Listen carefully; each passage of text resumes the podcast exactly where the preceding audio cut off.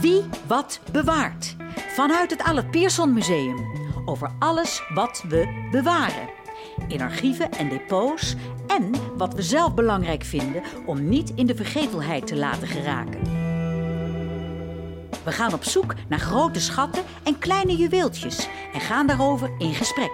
In Wie wat bewaart. Een wekelijks programma van Amsterdam FM. Vandaag presenteert Jeroen de Vries. Welkom bij mijn eerste podcast Wie wat bewaart.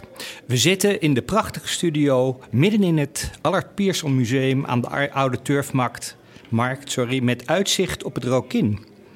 Uh, vandaag gaan we het hebben over wat er hier gebeurt in deze studio. En uh, wat dat te maken heeft met het thema van, uh, van deze podcast. bij mij aan tafel zit Sam de Jong, medewerker van het Allard Pierson Museum. En degene die de scepter zwaait over de studio. Sam, welkom in je eigen studio. Dankjewel.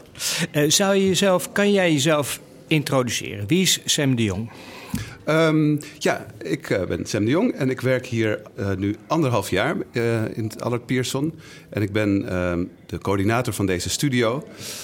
en in de studio um, digitaliseren wij de, het audiomateriaal dat ligt in de depots van het Allard Pierson. Um, ja, en men denkt bij het Allard Pierson altijd aan uh, archeologie, aan mummies, uh, et cetera. Maar um, het Allard Pierson heeft ook andere uh, collecties. De zogenaamde bijzondere collecties van de, van de UvA. en die bijzondere collecties, ja, dat, dat is eigenlijk van alles. Dat is een um, collectie, dat is hier terechtgekomen via het Theaterinstituut. Maar ook via allerlei muziekorganisaties, zoals het Nederlands Jazzarchief, ligt hier... Um, Gaudiamus, um, popcassettes, uh, noem maar op. Dus er liggen hier heel veel um, podiumkunstcollecties ook.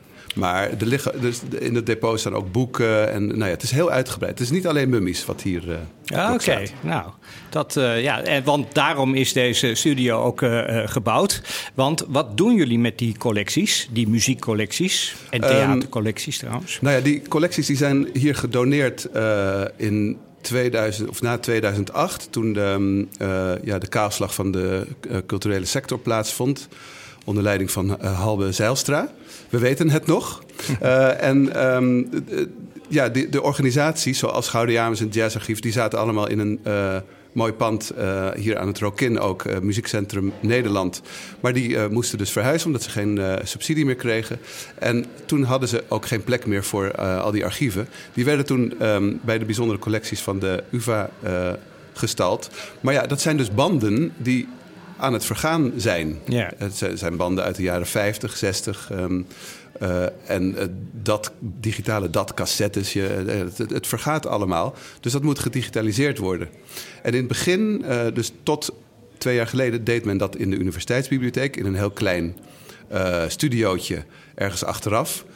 Um, maar het idee van de directeur van het Allard Pierson um, was: laten we het publiek ook kennis uh, laten maken met datgene wat het Allard Pierson ook heeft. Ook die muziek, ook de theatercollectie. En um, toen bedacht hij om het mooiste plekje van het Allard Pierson te doneren aan de studio. Dus we hebben hier in het museum een studio gebouwd waar dus medewerkers aan het digitaliseren zijn die oude banden van Gaudiamus, van het jazzarchief. En tegelijkertijd kan het publiek ook meekijken uh, hoe, hoe diegene dat doet. En er is ook een soort mini-tentoonstelling over geluidsdragers en uh, thematische, een thematisch tentoonstellingje, een wisseltentoonstelling over. Ja, op dit moment is dat uh, want het was Zwelinkjaar. En die zal dan binnenkort weer vervangen worden voor iets nieuws. Dus het is, we doen hier eigenlijk twee dingen: het digitaliseren en het zichtbaar maken aan het publiek. Ja, want uh, even over die tentoonstellingjes. Ik, heb, ik zie hier allemaal uh, om me heen allemaal apparaten en allemaal uh, ja, oude ja, dragers eigenlijk. Hè, van, het heet dan ook van fonograp tot MP3. Alles wat er ja. in, nou, ik denk een 100 jaar, iets meer dan 100 jaar, als muziekdrager is geweest. Dus. Ja. Um, Waarom staan deze dingen hier? Uh, nou ja, dus het uh, materiaal dat wij digitaliseren is heel divers. Hè. Dat, het zijn van die oude banden uit de jaren 50, maar het is ook. Uh, het kan ook een digital born collectie zijn. Hè? Dus dat, dat al is ontstaan in het digitale tijdperk. Uh, en daarmee proberen we de diversiteit van het, de collectie ook aan te geven. En dat weerspiegelt, zich hier in ja, hoe we dat um, hier hebben georganiseerd.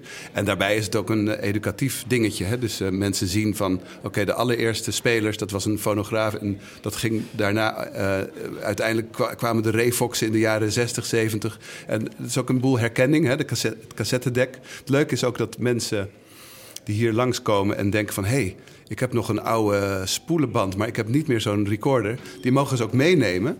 En dan uh, kunnen ze die hier afluisteren en eventueel ook digitaliseren. Uh, want je kan hier dus ook uh, interactief dus bezig zijn met die collectie of met je eigen collectie. Want er, dat is allemaal... Um, ja, in die studio kan je natuurlijk een koptelefoon insteken... en kan je luisteren wat er... Um, wat er afgespeeld wordt. Dus dat is ook nog een extra faciliteit naar de bezoeker toe. Ja, leuk. Want uh, uh, dus je kan ook die apparaten die hier staan gewoon uh, gebruiken. Ja. En, en dat doen jullie eigenlijk ook, want voor dat digitaliseren heb je ze ook nodig. Ja, precies. Dus wat hier aan de wand hangt, dat doet het ook. Uh, er staat ook een mooie Nakamichi cassettedek in een hoek. En die, die uh, kunnen we nu inmiddels gebruiken. Die was kapot. Er was een, een of ander klein onderdeeltje moest gehaald worden. Maar er is in Nederland ergens in Rotterdam een Nakamichi Guru. Dus die kon dat nog repareren. Dus we hebben daar, hem daarheen gebracht met de auto. En nou ja, ben je een paar honderd euro verder voor een klein stukje rubber. Maar goed, hij doet het weer. Yeah. En um, dat, dat is natuurlijk hartstikke leuk. Dus uh, alles, nou, bijna alles werkt. We hebben ook nog een, uh, een, een, een uh, hoe heet het? een Walkman. Maar ja, goed, dat is meer voor de, voor de expositie dan dat we hem gebruiken. Dus jullie bewaren niet alleen maar de muziek hè, die je digitaliseert, maar, je, maar ook de apparaten. Ja. En die heb je ook nodig. Die hebben we ook nodig, ja. Dus we, we hebben iets van zes Refoxen ergens uh, staan. Die hebben we gedoneerd gekregen. Maar die moeten dus nu in topconditie worden gebracht. Dus um, nou ja, daar zorg ik als coördinator van de studio dan ook voor. Dat, uh, dat het altijd uh, goed onderhouden is en dat het schoongemaakt wordt en dat het goed werkt. Hey, en um, hoe gaat dat digitaliseren in zijn werk? Ja, Doe jij dat alleen? Nee, um, dat doen we met vrijwilligers. Oké. Okay. Uh, ja, dus ik heb um, op een gegeven moment in het begin een advertentie gezet op de Vrijwilligerscentrale Amsterdam. En uh, nou, dat liep echt heel goed vanaf het begin. Er waren heel veel aanmeldingen. En dat zijn ja, voornamelijk um, wat oudere mannetjes die hun hele leven eigenlijk al uh, met iets met audio hebben willen doen. En dat in hun hobby natuurlijk ook hebben gedaan zijn gepensioneerd en nu, nu mogen ze echt op rek drukken. nou, dat, uh, daar hebben ze wel plezier in. Het, zijn het is een beetje gechargeerd. Het zijn niet allemaal oude mannetjes. Oh, gelukkig. Het zijn ook uh, wat jongere mensen. En uh, nou, het is eigenlijk heel divers. Ja, ja, leuk. Ze hebben allemaal een passie voor muziek of voor audio. En ze hebben dus ook allemaal... Je, je komt hier niet zomaar te werk. Ze hebben ook allemaal echt kennis van zaken. Hey, en uh, jullie zijn uh, op dit moment uh, volgens mij met, met echt een groot project bezig. Het Gaudiamus-project. Ehm, kan je daar iets over vertellen?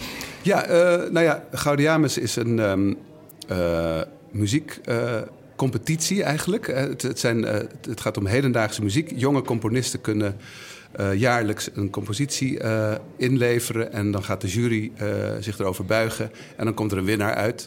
maar rondom zo'n competitie is een hele muziekweek georganiseerd. Met heel veel andere concerten. en alle inzendingen natuurlijk van de, van, van, de deelnemers. En dat vindt al plaats sinds, nou wat is het? Sinds 1950 ongeveer? 75 jaar heb ik begrepen. Oh ja, ja precies. dus dat is 75 jaar geleden begonnen. En er zijn al banden uh, van die eerste jaargangen. Uh, en nou ja, dat is dus echt al heel oud. Dus we zijn nu um, heel systematisch vanaf uh, die allereerste Gaudiamus muziekweken... alles over aan het zetten op, um, op digitaal.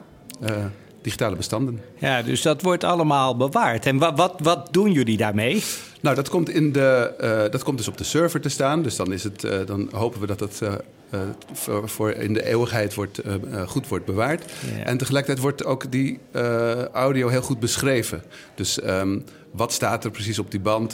welke componist, welke uitvoerenden? Dat komt allemaal in de database te staan. En dat kunnen onderzoekers, wetenschappers, belangstellenden, studenten... kunnen allemaal raadplegen via de universiteitsbibliotheek online van Amsterdam. Okay, en dus... eventueel ook, als ze er echt iets mee willen, kunnen ze dat ook beluisteren uh, op aanvraag.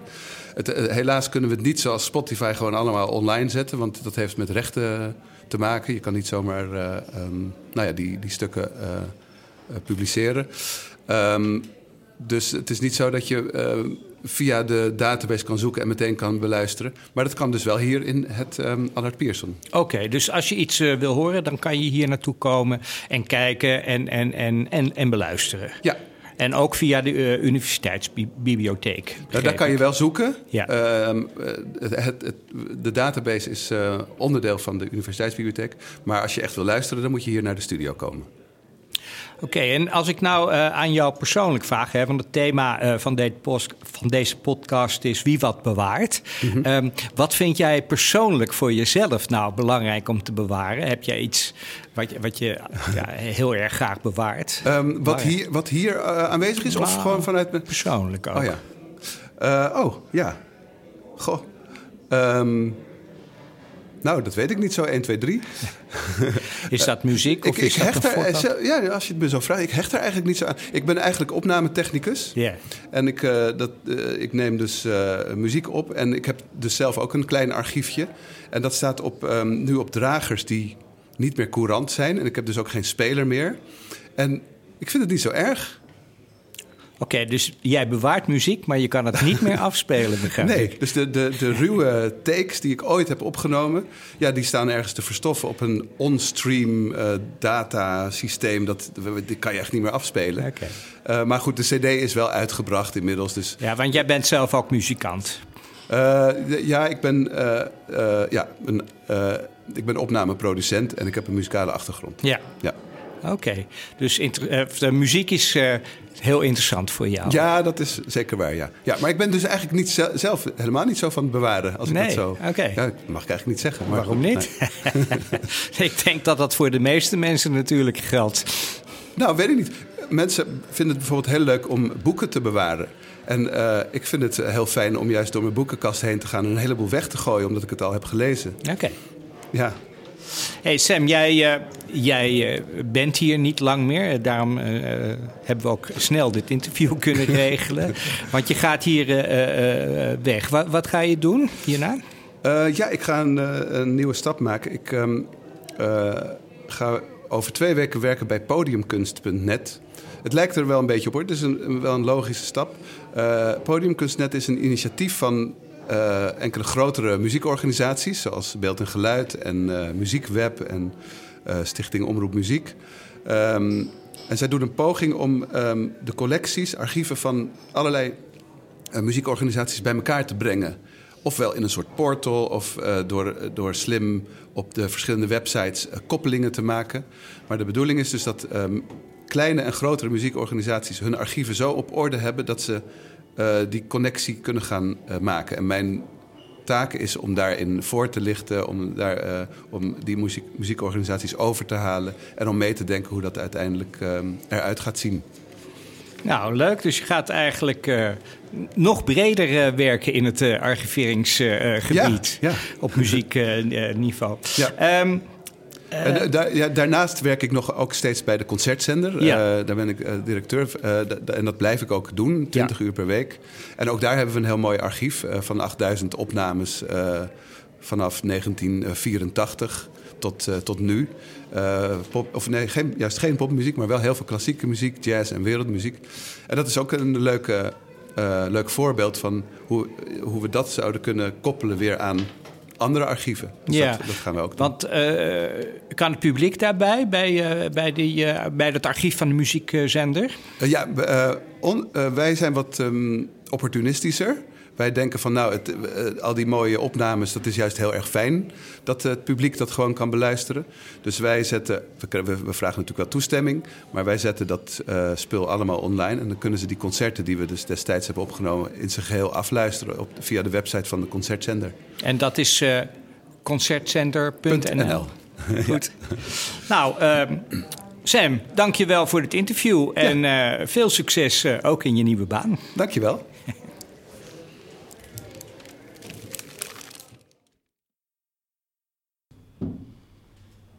Mijn tweede gast van vandaag is uh, Elise Richter, coördinator van de Archeo Hotspot in het Allard Pierson.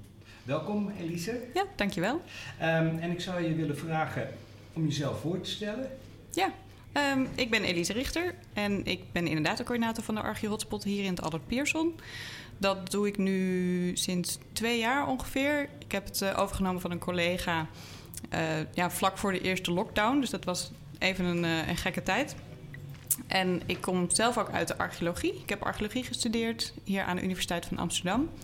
Dus ik heb ook al een lange geschiedenis met het Alle Pierson zelf. Uh, want tijdens mijn studie had ik hier ook colleges. En dan gingen we vaak ook naar college nog door het museum. Ja, ja. leuk. Dus, uh, dus ja, zo... Uh, ja, lange geschiedenis met Ad Pierson en nu dus coördinator van de Archeo Hotspot. Oké, okay, maar wat is de Archeo Hotspot eigenlijk? Kan je dat uitleggen? Ja, de Archeo Hotspot is een plek waar publiek kennis kan maken met archeologie. Meestal um, staat archeologisch materiaal ook in het museum achter glas. En opgravingen zijn ook vaak niet te bezoeken voor mensen die ja, daar geen toegang toe hebben, dus niet archeologen. Uh, dus het is vaak een beetje afgesloten. En in de Archeotspot is de bedoeling dat mensen die dus ja, daar interesse in hebben, kunnen komen kijken. En het is opgezet in 2014 en de eerste Archeotspot was ook hier in het Allard Pierson. Zat nog in een ander gedeelte van het gebouw. Nu zit het hier vooraan in deze AP Live zone. En inmiddels zijn er 25 archeotspots in heel Nederland. Met allemaal dus hetzelfde idee, maar allemaal een beetje anders opgezet. Hier zitten dus in het museum. Maar andere archeotspots zijn soms onderdeel van de gemeente. Of uh, je hebt ook pop-up archeotspots. En er wordt ook vaak samen dus gewerkt met de gemeentelijke archeologische dienst. Hier ook. Het materiaal wat hier ligt hebben we te leen van de gemeente Amsterdam. En de vrijwilligers, er wordt dus gewerkt met vrijwilligers... Uh, die doen dus een stuk van de fondsverwerking voor de archeologische dienst samen met bezoekers. Dus de vrijwilligers en de bezoekers die leveren samen een bijdrage aan het archeologisch onderzoek. Hoe, uh, hoe moet ik me dat voorstellen? Want ik zie daar een hoop uh, scherven liggen, potscherven. Ja. Ik zie een heleboel boeken. Hoe, hoe gaat dat in zijn werk?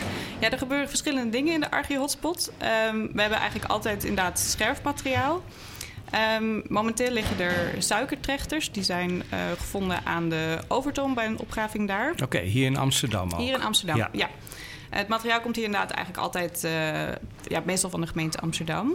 En het idee is dat je hebt dan een grote hoeveelheid scherven. Meestal hebben we dus ook materiaal uit een beerput, wat dus één groot fondscomplex is met allemaal, meestal dus complete materialen die in die beerput, of in dit geval was het dus ook een put, uh, ja, terecht zijn gekomen.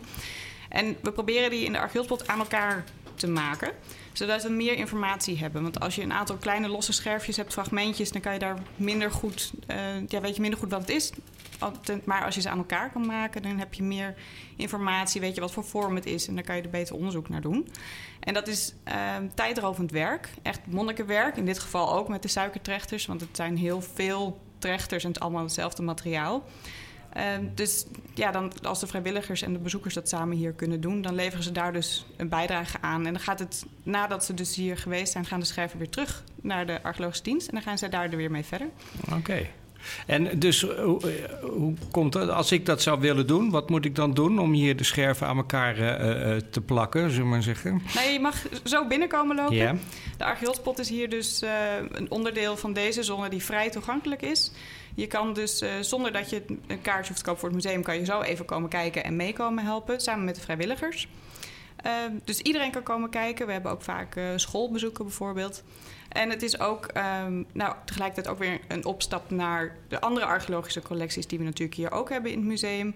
Dus mocht je interesse gewekt zijn, dan kan je nog even verder kijken in het museum naar de andere afdelingen. Uh, want dat is ook wel het mooie. Het is ander materiaal. Hier is het dus lokaal materiaal, wat ook meteen uh, ja, leuk is voor mensen hier uit de buurt. Maar worden in de archeologie dezelfde thema's als in de andere archeologische collecties in ons museum zelf. Want het gaat, hier is ook alles thematisch ingericht. Het gaat over, uh, over religie, over handel, over eten en drinken, over de dood. En dat zijn allemaal thema's die je eigenlijk altijd wel terugziet. Ook dus in onze archeotspots en ook in onze andere archeologische collecties. Oké, dus uh, als ik hier ga zitten, dan kan ik gewoon gaan zitten. Ik word ook begeleid, uh, ja. begrijp ik. Ja. En dan uh, weet ik ook uit welke tijd die, die scherven komen. Uit welke tijd is dat meestal?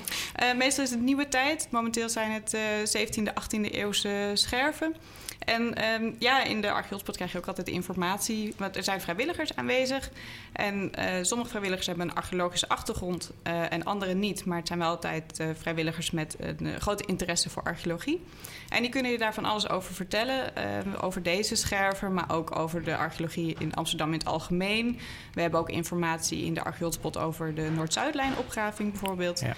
Um, en je kan ook, als je zelf iets hebt gevonden of je hebt nog iets in de kast liggen waarvan je afvraagt wat zou dit kunnen zijn, ook binnenkomen lopen in de archeologspot daarmee. En dan, uh, ja, dan gaan we kijken of we achter kunnen komen wat het is. En we hebben natuurlijk ook onze eigen archeologische, de conservatoren van de archeologische dienst. Dus mochten we het zelf niet weten, dan kunnen we het ook altijd aan hen vragen. Of aan de archeologen van de archeologische dienst van de gemeente Amsterdam. Oké, dus als ik uh, iets vind in mijn achtertuintje, dan, dan kan ik dat hier uh, eventjes laten testen. Ja, je kan het even laten zien. Dan kunnen we even kijken of we misschien weten wat het is. Ja, leuk. Ja. En um, um, die, die stukken die uh, klaar zijn, dan, die gaan weer naar de archeologische dienst. En wat, ja. wat gebeurt er dan mee? Ja, dan gaan ze er daarmee verder. Um, momenteel uh, hebben we dus die suikertrechters uh, hier liggen. Um, en daar proberen we dus zoveel mogelijk complete vormen van te maken. Want die, daar bestaan er niet zoveel complete vormen van. Um, omdat het heel fragiel materiaal is. Het zijn vormen die snel kapot gaan. Dus zij hebben daar graag. Uh, het zou ja, leuk voor hen zijn als ze daar grotere, meer complete vormen van hebben. Dan kunnen zij daar daarmee verder kijken. Uh, want het zijn allemaal verschillende soorten. Het zijn allemaal trechters, maar je hebt grotere, je hebt kleinere. En dan kunnen ze daar bij de, ja, bij de archeologische dienst gaan ze dan verder met het rapport daarmee. Oké, okay, want uh, een, su een, suiker, uh, wat zei je? Wat, wat zijn het? Het zijn suikertrechters. Trechters. En ja. uh, wat zijn dat eigenlijk? Hoe werd dat gebruikt? Die werden gebruikt bij de verwerking van suiker. Dus suiker die uh, kwam uh, nou, in de tijd van deze suikertrechters uh, uit Zuid-Amerika. werd, werd dat dus, daar werd dat geteeld. Het heeft dus ook uh, indirect dus ook een, een, link met het slavernijverleden uh, okay. van Nederland. Want dat werd daar tot slaafgemaakte mensen werd dat daar dus geteeld en daarvoor een deel verwerkt. En dan kwam die ruwe suiker hier naartoe. En in die suikertrechters, daar, daar, daar, ging het dan bovenin in. En aan de onderkant zat een klein gaatje. En dan ging die suiker door die trechter heen. En aan de randen van die trechter, daar, hield hij dan, daar kwam dan de suiker in. En onderin was dan de stroop. Die kwam er dan ook uit. Okay. Dus daar werden die suikertrechters voor gebruikt. Deze suikertrechters die zijn gevonden op het achterterrein van een pottenbakkerij. En zijn dus zelf uh, waarschijnlijk nooit gebruikt om echt te, om suiker mee uh, te verwerken. Het zijn waarschijnlijk allemaal misbaksels geweest. Want ze zijn allemaal in één keer in een, in een put gegooid. Oké, okay, ja. Dus, uh, dus deze komen hier, ja, deze komen van de Overtoom. Maar er zijn ook een aantal suikertrechters gevonden tijdens de Noord-Zuidlijn-opgraving hier aan het Rok in. En die werden dus eigenlijk hier gemaakt en met de schepen meegenomen om gevuld te worden. Klopt dat? Oh, nee, de suiker kwam hier naartoe. Oh, oké. Dus de suiker werd hier verder verwerkt. Ja. Dus, uh, dus ja, een deel, gebeurde van de, deel van de suikerverwerking gebeurde in Zuid-Amerika. Dan kwam dat hier naartoe en dan werd het met de suikertrechters die we dus hier hebben uh, verder verwerkt. Om dan hier ook verder verkocht te worden in, in Amsterdam. Oké, okay, dus het, ja, het was een soort fabriek eigenlijk, suikerfabriek. Ja. Nou, wat leuk. Ja, um, ja, wat vind je er leuk aan om coördinator te zijn van deze hotspot? Uh, ja, ik vind het leuk om, uh, om, met archeologie bezig te zijn. Want ik heb dus archeologie gestudeerd. En het is leuk om, uh, om mijn enthousiasme over archeologie op deze manier over te kunnen brengen. Samen met de vrijwilligers. En ik, ja, ik vind het leuk om met de, met de vrijwilligers te werken, met de bezoekers te werken. Het heeft dus um, heel veel verschillende kanten. Ik moet dus ook uh, ja, overleggen met de, met de archeologen van de, van de dienst hier, van de gemeentelijke dienst. Uh, om met hen af te spreken wat voor materiaal we krijgen en dat soort dingen. Dus het zijn, zijn heel veel verschillende kanten aan verbonden. En, uh, en dat maakt het gewoon leuk en afwisselend werk. En toch met archeologie en mijn enthousiasme daarvoor zit er ook in. Ja, ja. leuk. Hey, en uh, als je nou naar jezelf kijkt, wat vind jij belangrijk om te bewaren? Bijvoorbeeld voor jou persoonlijk? Voor mij persoonlijk, um, ja, ik, ik, we hebben bij ons in familie het fenomeen het plakboek. Dat, uh, dat, dat bestaat niet, maar wij bewaren allemaal dingen waarvan we ooit zeggen die gaan voor, voor het plakboek. Uh, dus, dus bioscoopkaartjes of, okay, of restaurantdingetjes en, en, met foto's en dat soort dingen. Dus we bewaren wel allemaal graag bij mij en de familie dat soort dingetjes. Alleen ehm, voor het plakboek wat er ooit nog gaat komen. Dus we hebben allemaal dozen, eigenlijk zijn het meer plakboekdozen. Met allemaal van dat soort, ja, een beetje sentimentele nostalgie dingen. Okay, die we graag bewaren van leuke herinneringen. De archeologie van de familie zou je, zou je kunnen zeggen. Okay. Precies, ja. ja. Ja, leuk. Hey, en er zijn meer uh, hotspots in Nederland. Hè? Ja. je vertelde net, dit was de eerste. Ja. Uh, um, ja, wat is daar het belang van?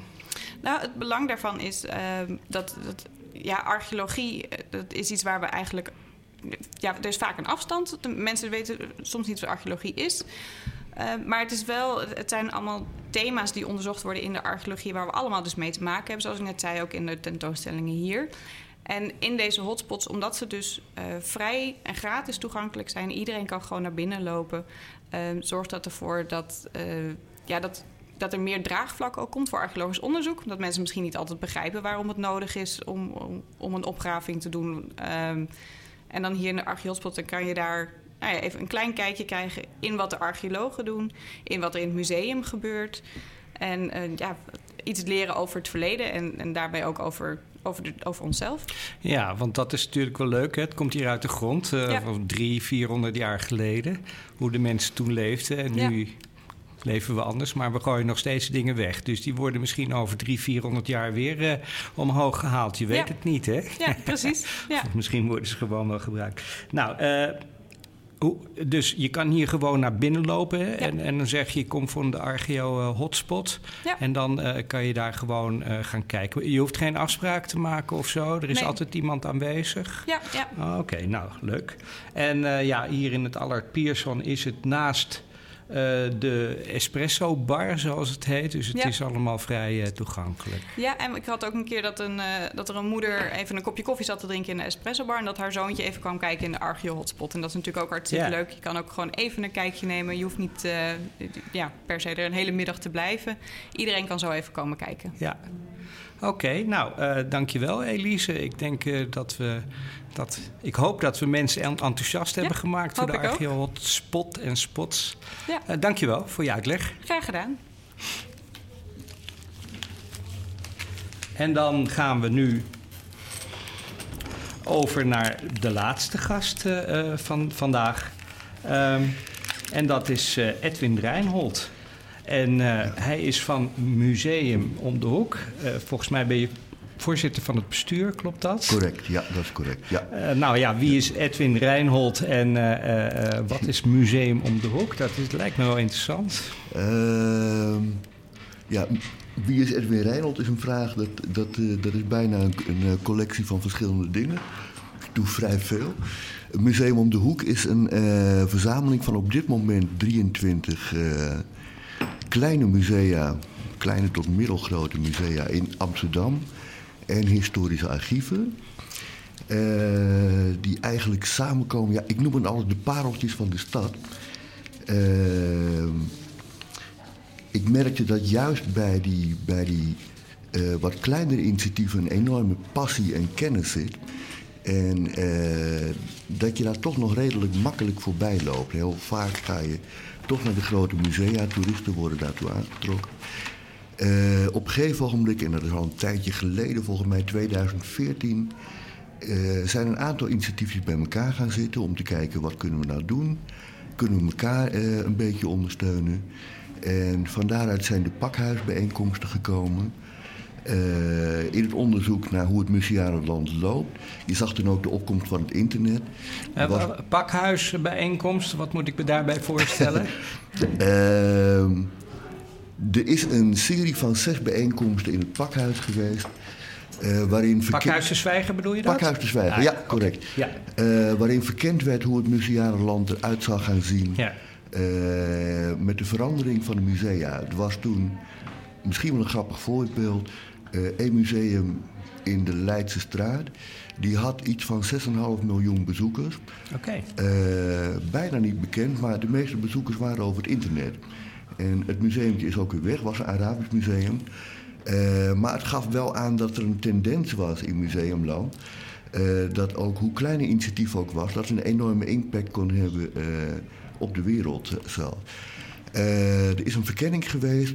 Uh, kijken hoe we samen konden komen tussen kleine initiatieven en grote initiatieven. Uh, het Amsterdam Museum zat er ook bij. en van daaruit zijn we doorgegaan. De, de, de, de, de, ja, de vader, de leider ervan was Henk Ras, een oude psychiater, is inmiddels overleden, jammer genoeg. Maar ehm, ja, op een gegeven uh, zei Henk tegen me van ja, we zijn ermee bezig. Ik ben al secretaris uh, en penningmeester. We hebben een voorzitter nodig. Zou je dat willen doen? Je hoeft volstrekt niets te doen. Ik doe de rest. En daar heb ik me in laten lokken. Oké. Uh, en doe je nog steeds niks? Of, uh... Nee, dat is inmiddels wel veranderd, ben ik bang. Nee, het eerste wat ik toen gedaan heb is om te kijken... Het was een groepje van vijf museumpjes. er zat ook op wat grotere bij, van Eesteren op dat moment.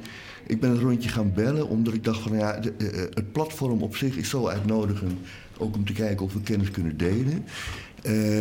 en na twee dagen bellen vanaf de keukentafel... Ja, had ik er uh, 3, 24 bij elkaar. Eigenlijk vol enthousiasme. En nou, kennis gemaakt. In het ISG hebben we de eerste bijeenkomst gehad. Internationaal Instituut voor Sociale Geschiedenis. Hm. En ja, van daaruit zijn we elkaar meer gaan verkennen, zeg maar. Een beetje kijken wat we zouden kunnen doen naar Amsterdam 750 toe. Kunnen we ons presenteren, allemaal een klein platformtje. Jammer genoeg kwam op een gegeven ogenblik de, de corona uh, erin.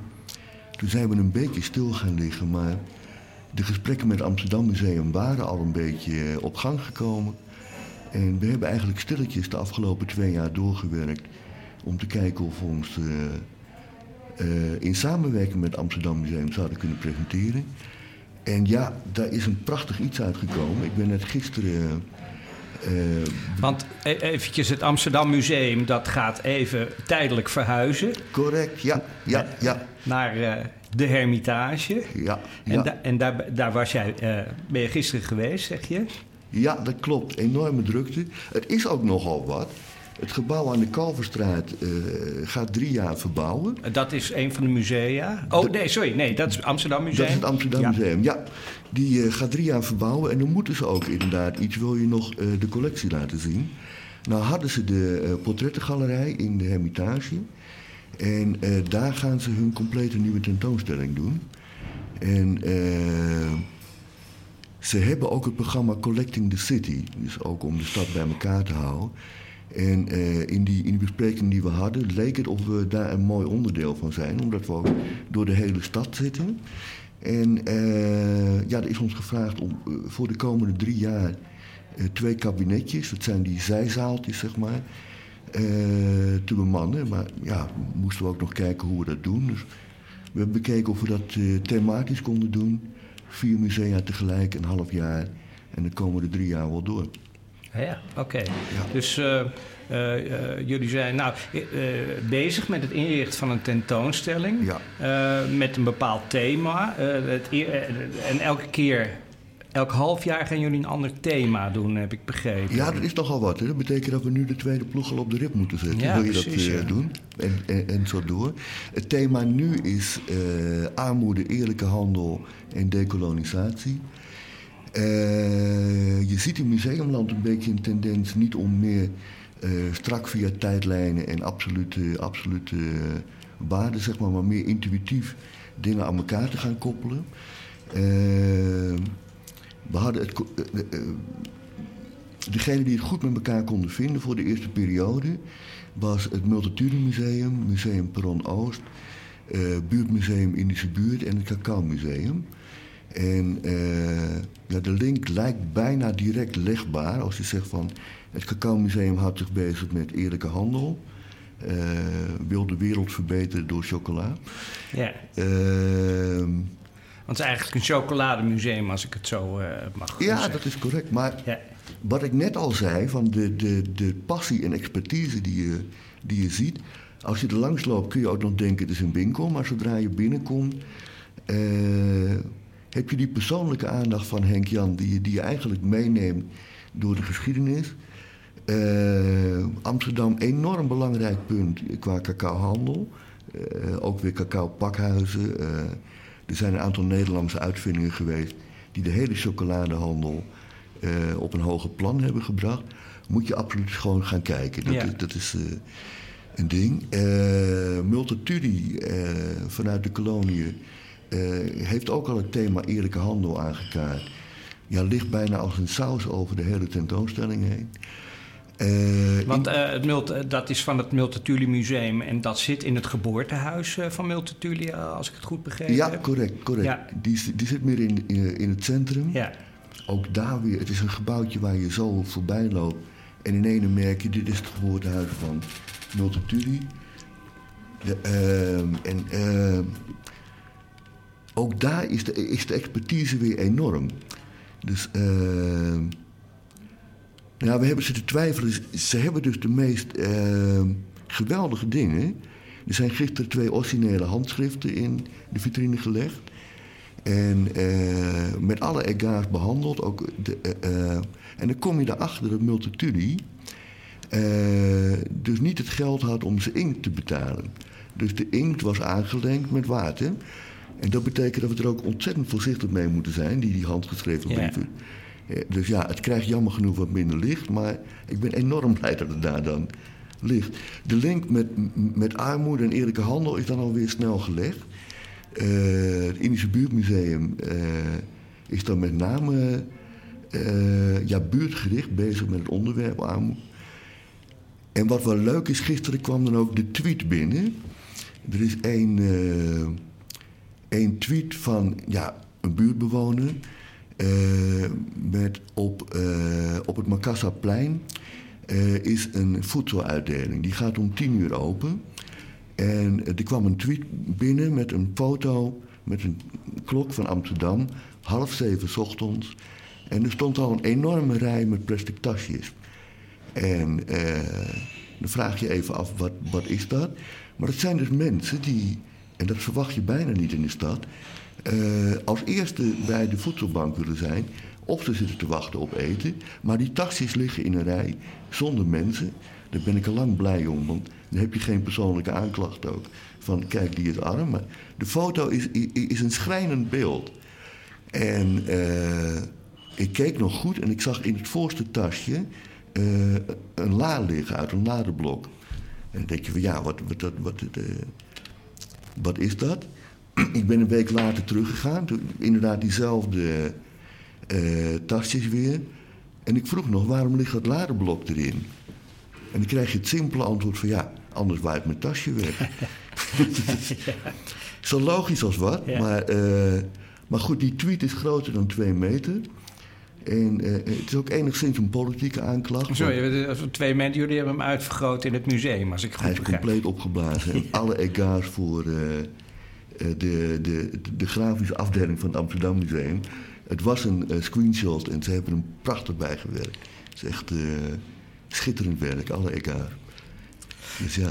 Hey, en eh, eh, het, het laatste museum wat ook meewerkt is het Museum Perron Oost. En eh, ja, ik heb eh, op hun website ook gekeken. En zij, ehm, eh, zij hebben bijvoorbeeld een, een tentoonstelling van mensen die geboren zijn, dus vraaggesprekken van mensen die geboren zijn op de. moet ik even zoeken. SS Ranci. Oh ja, op de Ranchi. Het zijn Ranchi's baby's. Ja. Ja, wat, wat, wat, wat is dat? Wat, ik, ik vroeg me af, wat is nou een Ranchi baby? Wel leuk. Het is, het, het is uitgelopen tot een enorm verhaal. Ik begrijp dat het thema hier is: wie bewaart, die heeft wat. Ja. Eh, de, de creatief directeur van het museum, eh, eh, Annette Wilgenhoff, was op een gegeven moment bezig. Ze, ze zit op een perron. En het thema waar ze toen mee bezig was, was aankomen en vertrekken. Ja. Ze zocht daarvoor eigenlijk naar migratieverhalen. En eh, omdat de foto's die ze wilde gebruiken niet rechtenvrij waren, is ze gaan kijken in de ISG. En ze kwam daar een foto tegen die nog nooit gebruikt was in de publiciteit, maar van een schip waar eh, een repatriëringsschip vanuit Indonesië in 1950 eh, vertrekt dat en het komt aan in Amsterdam. Eh, en het, eh, de aparte ondertiteling was: Het is een babyschip. En uit 35 vrouwen zijn 37 baby's geboren. Okay. En dan ga je lopen puzzelen, ja, er moeten tweelingen bij zijn. Ja. maar op de een of andere manier heeft dat enorm de nieuwsgierigheid geprikkeld. En een radiomaker, Joost Wilgehol, heeft al die baby's opgespoord. Die op dat moment daar op het schip geboren zijn. Het leuke is, ze zijn op ja, Engelse. Ze hebben vaak twee paspoorten. op Engelse grond geboren. Ik zag gisteren een schilderij binnenkomen van een van die baby's. En die zei: de, Het verhaal van het schilderij is. Zijn vrouw had een schilderij laten maken van haar geboortegrond haar geboortehuis. En op zijn 60ste verjaardag kreeg hij aangeboden om dan ook een schilderij van zijn geboorteplek te krijgen. en dat was de Ransie, dat was het schip. Ja. Dus uh, iedereen heeft coördinaten waar hij geboren is. Ja. En dat, dat maakt het al apart. Wat wel, Want die coördinaten staan in hun paspoort eigenlijk in feite. Hè? Ja, volgens mij wel. Ja, ja. ja, ja, dus dat, de, eh, eh, ja, de een na de ander. Het schip was wel ingericht om, uh, als kraamkliniek, hè, bijna. Ja. Dus van tevoren. Het zijn wel allemaal, uh, volgens mij de meeste, of bijna allemaal, uh, kneelmilitairen die uh, gerepatrieerd werden. Ja, dus het heeft ook wel een beetje uh, te maken met de hernieuwde belangstelling nu hè, van, van politionele acties. Hè? Op dit moment zitten we daar inderdaad middenin. Ik had het niet gedacht dat het. Nou ja, op zich wist ik dat het onderzoek eruit zou komen nu. Maar ja, het is, het, is, het is actueel. Ja, misschien kunnen we even gaan luisteren naar een uh, audiofragment van een van de baby's die daarop uh, geboren is. Die ook uh, te horen is op de tentoonstelling in de Hermitage. Het is, nou ja, het is gemaakt door Joost Wilgehof. En een van de verhalen van de kinderen die op de SS Ranchi is geboren. Het is een interview met Christian Victor Ranchis Sylvester. Genoemd naar het schip. Mijn vader was beroepsmilitair. Daar heb ik zelf met mijn vader dus uh, uh, constant, nou ja, constant ruzie over gehad. Over, uh, over de politionele acties, zoals ze dat noemen. Mm. Ik vond dat gewoon moord van mijn vader. Hè. Mm -hmm. dus, hoe, hoe gingen die discussies met uw vader? Nou, die waren niet zo lang hoor. Mijn vader vond mij een lafaard en ik vond hem een moordenaar. Daar kwam het op neer. Hij begreep er ook niks van dat ik uh, wilde drossen voor de dienst en dergelijke. Wat ik dus ook gedaan heb. Wat u? Uh, wilde drossen. Ja, dus wegblijven. Wegblijven. Dat is een scheepsuitdrukking. Dus als je dus niet bij het vertrek van het schip aanwezig bent, ben je gedrost. Ik bleef gewoon, ik ging niet naar de keuring.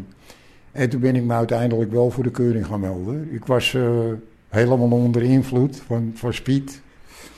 En ik werd gewoon goedgekeurd. Nou, het uh, was ik bij uh, de eerste aanmelding, dat ik mijn dienstplicht begon, was ik te laat. En mocht ik de volgende dag opnieuw proberen. En toen was ik weer te laat.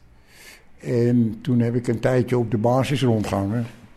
En toen vroeg uiteindelijk iemand wat ik daar eigenlijk deed. Want ik droeg geen uniform, niks. Nou, toen ben ik na een gesprek ben ik gewoon weggestuurd. Ik ben buitengewoon dienstplichtig verklaard. Nou, dat heb jarenlang boven mijn bed gehangen, die verklaring. Bent u trouwens ooit terug geweest in Indonesië? Nee, nee, nee. Dat vond ik uh, als Nederlander te weinig te zoeken daar. Ik zou me toch een beetje schuldig voelen van uh, wat de bevolking aangedaan is. En dat uw vader daar al mee heeft gedaan? Ja, ja dat vooral. Dus, dus uh, dat heeft voor mij de aanvaardbaarheid van het Nederlandse leger weggenomen vind dat, dat je je niet met een ander volk mag bemoeien, gewoon.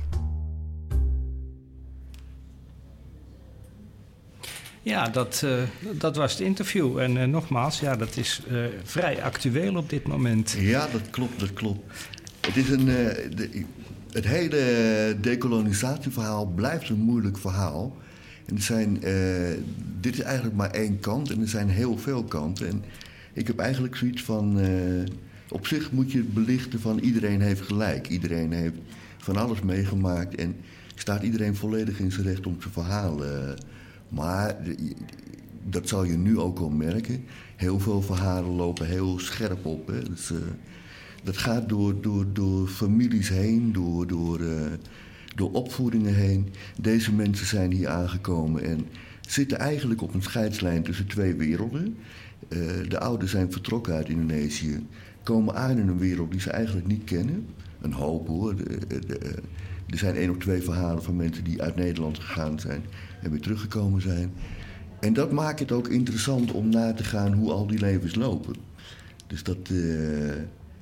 Dus dat is ook een beetje het belang van deze getuigenissen, dat die ook bewaard blijven eigenlijk. Nou ja, dat is.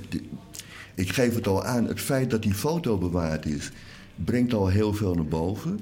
Daar is eigenlijk twee jaar. Uh, ja, onderzoek, speurtocht naar geweest. Op een gegeven moment is er een reunie geweest van die baby's. Iedereen komt bij elkaar. Het leuke is, ze zijn ook bijna allemaal even oud. Hè? Ik bedoel, op het schip geboren. Ja. En uh, dat, uh, dat is dan een enorm warm samen zijn bij al die mensen. Omdat ze eindelijk een aantal ervaringen kunnen delen. Het komt ook uit een tijd dat bijna niemand sprak. En uh, die mondelinge overleveringen, ja, in Nederland hadden we eerst de oorlog, daar werd al bijna niet over verteld. Die verhalen uit Indonesië werd ook al bijna niet over verteld. Dat zal het onderzoek nu wel beamen dat het moeilijk is om boven te brengen. Maar uh, uh, wat je dan ziet is dat iedereen toch op zoek is. En dat geeft ook het belang van dat je wat bewaart. Dus her en der komen of een geboorteboekje naar voren, of een foto, of een kaartje, of een schip, of een schilderij. En dat geeft weer zo een gezamenlijkheid. Het is prachtig om te zien. Hey, en uh, dit, wordt ook, uh, ten, dit is onderdeel van de tentoonstelling in de Hermitage met het Amsterdam uh, Museum. Ja. Um, dit is voor het eerste halfjaar, begrijp ik. Wat, wat voor thema's kunnen we nog meer verwachten? Ja, er staan er nog vijf in, de, in, de, in de planning. Het eerstvolgende wordt iets meer qua architectuur. Het Van Eesteren Museum Amsterdam Noord, Historisch Archief De Baarsjes. En het Borneo Architectuurcentrum. Oké, okay, ja. Dat zal gaan over gentrificatie en uh, de veranderingen in de stad en mm. de, de impact daarvan. Ja, gentrificatie, de, de, de verandering van de inwoners van een wijk, zullen we maar zeggen. De, de, van de, wie er wonen. Als ik het vrij objectief vertel, wat, wat betekenen de inwoners voor een wijk? Dus uh, als, je een, als je een bepaalde. Uh, ja, sommigen noemen het gewoon juppificatie. Of als je heel veel mensen bij elkaar hebt, heeft dat uit een bepaalde groep, heeft dat een invloed op een wijk. En sommige wijken zijn ook inderdaad. nou ja, als je de geschiedenis van de Jordaan kent, of Achterdorp in Noord. Het mooie is dat, nou ja, laat ik het zo zeggen. Toen het Muiderslot gebouwd werd, toen is daar vast ooit wel een boer geweest die dacht: wat moet dat lelijke ding in mijn uitzicht? En uh, er zijn in de stad altijd veranderingen en er moet iets nieuws neergezet worden. En dus iets neergehaald. Er zijn veranderingen in de stad voortdurend. En uh, dat gaat altijd gepaard met enigszins strijd.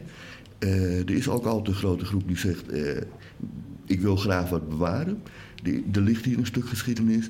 En die strijd is interessant om te zien, denk ik. Ja, hey, en ehm, die uh, wanneer begint die tentoonstelling? We hebben een enorme tijd met de planning gezeten. Ik wist nog zelf niet dat we in maart open zouden kunnen. Okay. Maar oh jee, wat een, wat, wat een heerlijkheid dat we uh, een beetje uit de coronamaatregelen komen. Ja. Uh, we zijn eigenlijk bijna cultureel afgesneden, heb ik het uh, idee. Ja, de planning is augustus, september de eerstvolgende tentoonstelling. Ja, dat is de eerstvolgende, maar wanneer begint deze? Publieksopening 5 maart. Oké, okay, leuk. Dat is alweer vrij snel. Ja. ja. En eh, dat is eh, in samenwerking met het Amsterdam Museum in de Hermitage. Correct. Dus ik Ja. zou zeggen, ga, ga dat zien. En ehm, eh, die, die 23 musea, hè, want dat, het zijn wel soms heel verschillende musea. Ja. Het lijkt me ook wel moeilijk om, om, die te verbinden. Maar het is toch de gezamenlijke geschiedenis van Amsterdam die ze, die ze ook eh, verbeelden, denk ik. Of van de verschillende buurten in Amsterdam. Dat is het, hè? Hoe je, Ja. je, je kan alles van elk perspectief bekijken. Ik was laatst in eh, Museum Amsterdam Noord. Er stond iets over de oorlog. En dan zie je een enorme praalwagen die aan het eind van de oorlog rondreed vanuit het Kromhout.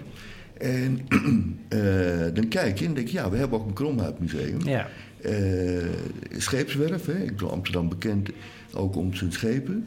Kromhout met name om de motoren. De, de- ik heb ooit een man gesproken, het is geweldig.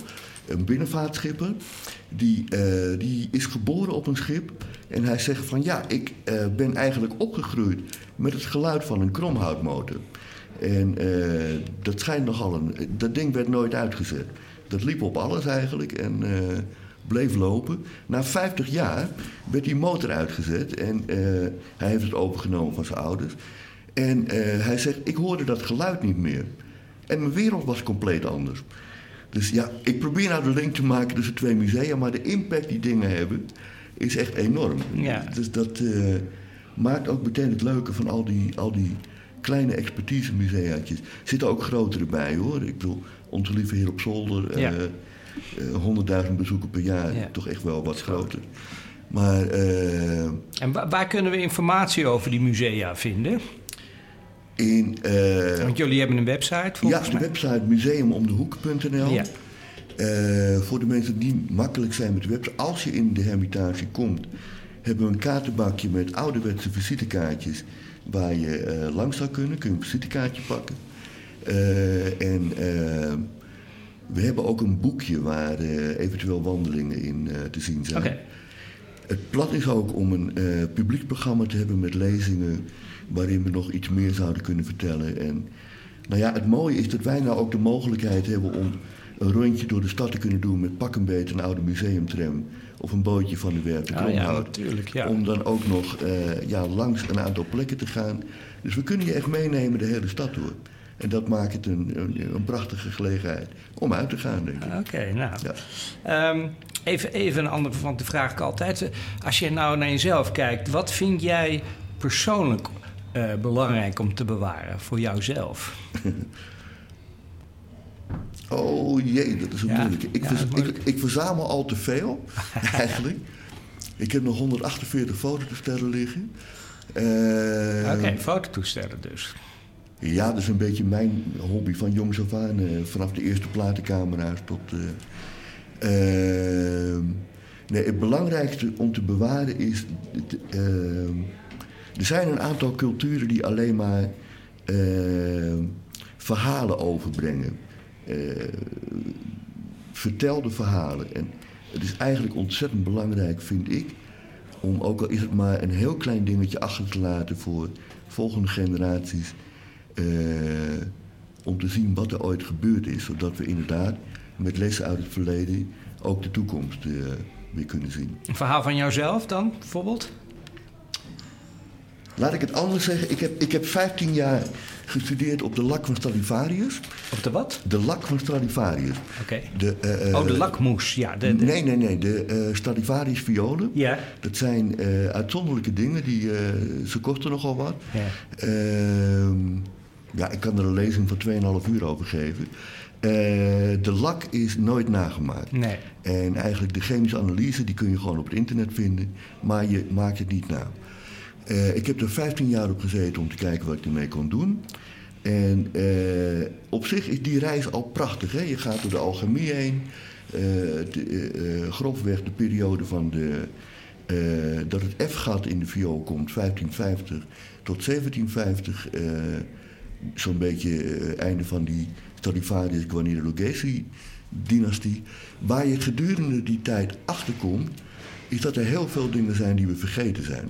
Ja. En eh, daarin denk je van ja, ook al was er maar een klein tipje van de sluier, dat je, dat je iets meer... In die speurtocht vind je prachtige dingen hoor. Ja. Ik ben in Murano geweest bij de glasindustrie. Er ligt een dikke minerale laag op die violen. En eh, dan kom je er al achter dat bijvoorbeeld in, in een aantal mooie soorten glas... zit een enorme hoop arsenicum. En eh, om dat erin te doen is eigenlijk door één persoon niet te doen. Nee. Maar gelukkig hadden ze veroordeelde criminelen. Oh. En dat kon je ze gewoon laten doen.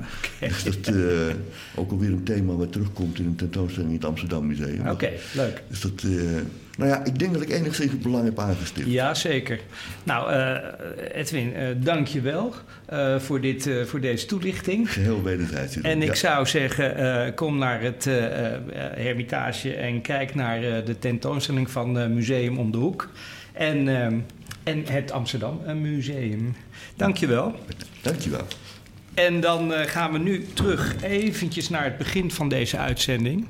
Het gedigitaliseerde archief, waar wij dan als einde een stukje laten horen eh, van het uh, Gaudeamus Festival uit 1967.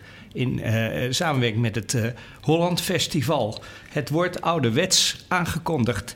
Dankjewel voor het luisteren.